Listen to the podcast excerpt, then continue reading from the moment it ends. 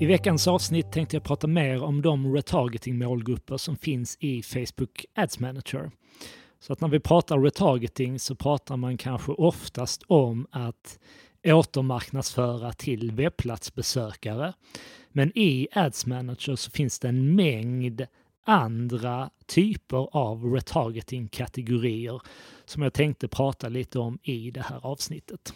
Så går man in i Facebooks annonsverktyg och Eh, klickar sig vidare till menyn målgrupper och där väljer att skapa en så kallad anpassad målgrupp så kommer du där att se att det finns 12 olika kategorier som du då kan skapa en remarketing eller en retargeting målgrupp ifrån. Så jag tänkte prata om sex av de här kategorierna. Och det är då webbplats, kundlista, video, leadformulär, sociala medier och evenemang. Så man börjar med den första, webbplats. Det är ju denna vi använder när vi vill återmarknadsföra till personer som tidigare har besökt vår hemsida. Och här kan man säga finns ett antal olika val som vi kan göra. Vi kan nå exempelvis alla webbplatsbesökare. Vi kan nå personer som har besökt specifika sidor. Vi kan nå personer baserat på hur mycket tid de spenderar på vår webbplats. Det kan ju vara intressant att exempelvis nå personer eh, de, de 5 eh, av besökarna som har spenderat mest tid på er sida men som kanske ännu inte har gjort den konvertering som ni vill att de ska göra. Det vi även kan göra, som kanske många inte tänker på heller, det är att vi kan nå personer beroende på vad de har gjort på vår webbplats. Det här kräver emellertid att er webbplats skickar händelser eller events till Facebooks annonsverktyg och då kan vi välja de här händelserna när vi sätter upp vår retargeting-målgrupp. Det här är något man gör via verktyg som exempelvis Google Tag Manager där man då kan säga att alla som har klickat på den här knappen, ehm, när det händer, då skickas ett event till Facebooks annonsverktyg och sen kan vi helt enkelt skapa en målgrupp som innehåller personer som har slutfört det här eventet, exempelvis då klickat på en viss knapp eller gjort någonting på vår hemsida som vi mäter.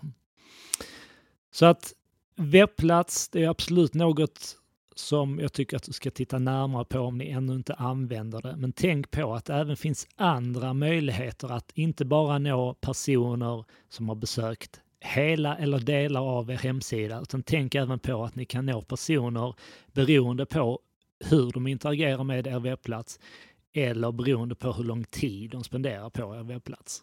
Den andra retargeting-kategorin som jag vill tipsa om är den som heter kundlista. Här kan vi under förutsättning, det här är väldigt viktigt, under förutsättning att vi har våra användares tillåtelse. Så att det här, den här tillåtelsen måste vi samla in i anslutning till när vi samlar in de här uppgifterna. Men här kan vi alltså då ladda upp e-postlistor eller vi kan ladda upp telefonlistor för att kunna återmarknadsföra till exempelvis befintliga kunder som tidigare har handlat av oss och där vi har deras uppgifter i vårt CRM i form av exempelvis e-postlistor eller telefonnummer.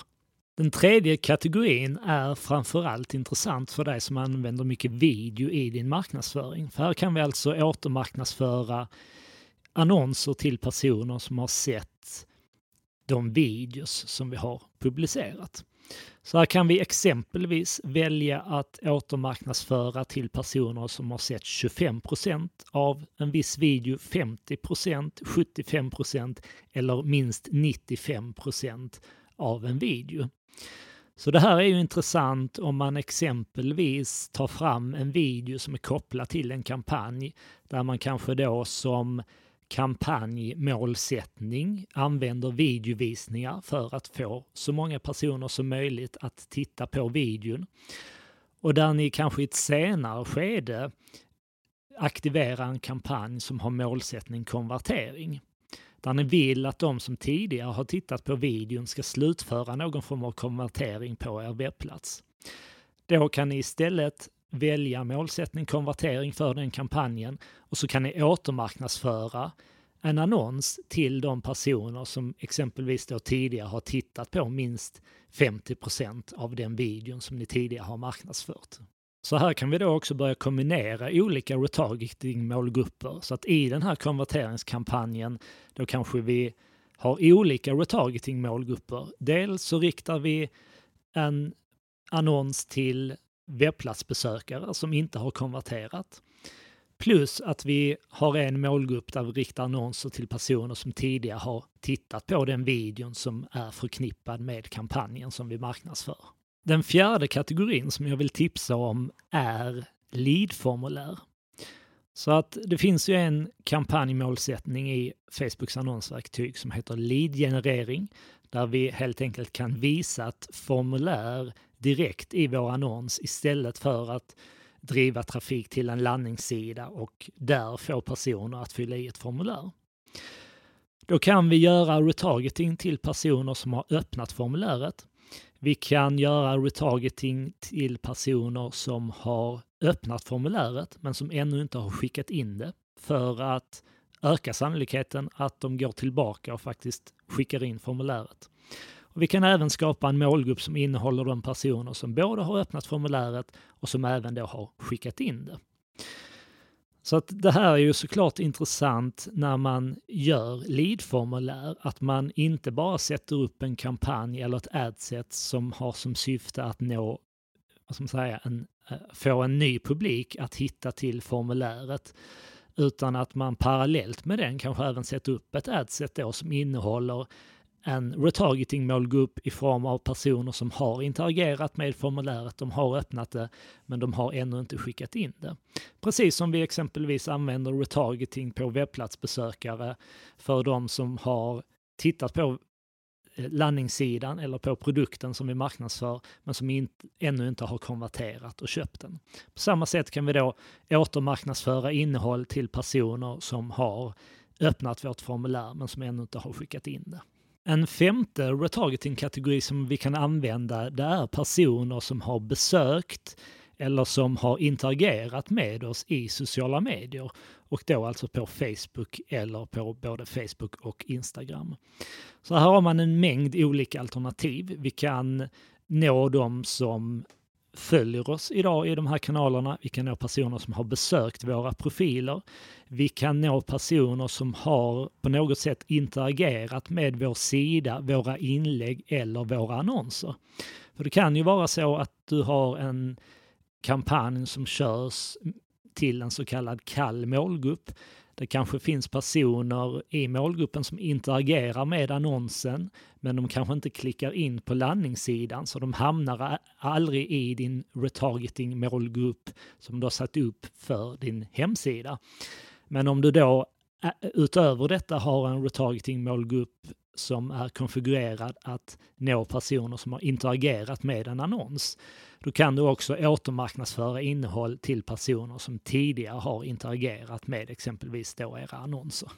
Den sjätte och sista kategorin som jag vill tipsa om det är evenemang. Och här kan vi då exempelvis återmarknadsföra innehåll till personer som har svarat att de kommer till vårt evenemang eller att återmarknadsföra innehåll till personer som har svarat att de är intresserade av ett evenemang. Den sistnämnda kan vi ju såklart återmarknadsföra till för att försöka få de här personerna att klicka i att de kommer istället för att de bara är intresserade. Och de som har klickat i kommer, om det är så att man måste anmäla sig till det här evenemanget via en extern länk. Det räcker kanske inte bara att man kryssar för kommer. Då sätter vi upp en kampanj som en påminnelse till de här personerna att glöm inte att du måste anmäla dig eller köpa din biljett genom att följa den här länken. Så det här var sex olika kategorier som du kan använda i Facebooks annonsverktyg för retargeting-annonsering. Och som du förstår så finns det en mängd andra sätt än att bara återmarknadsföra innehåll till era webbplatsbesökare. Det finns som sagt 12 olika kategorier tillgängliga i annonsverktyget. Jag pratade om sex av dessa och det var då retargeting till webbplatsbesökare. Där kan ni nå alla webbplatsbesökare, besökare på specifika sidor, besökare som har spenderat en viss tid på webbplatsen eller som har genomfört specifika åtgärder. Vi kan ladda upp eh, kundlistor och återmarknadsföra till eh, personer baserat på e-post eller telefonnummer.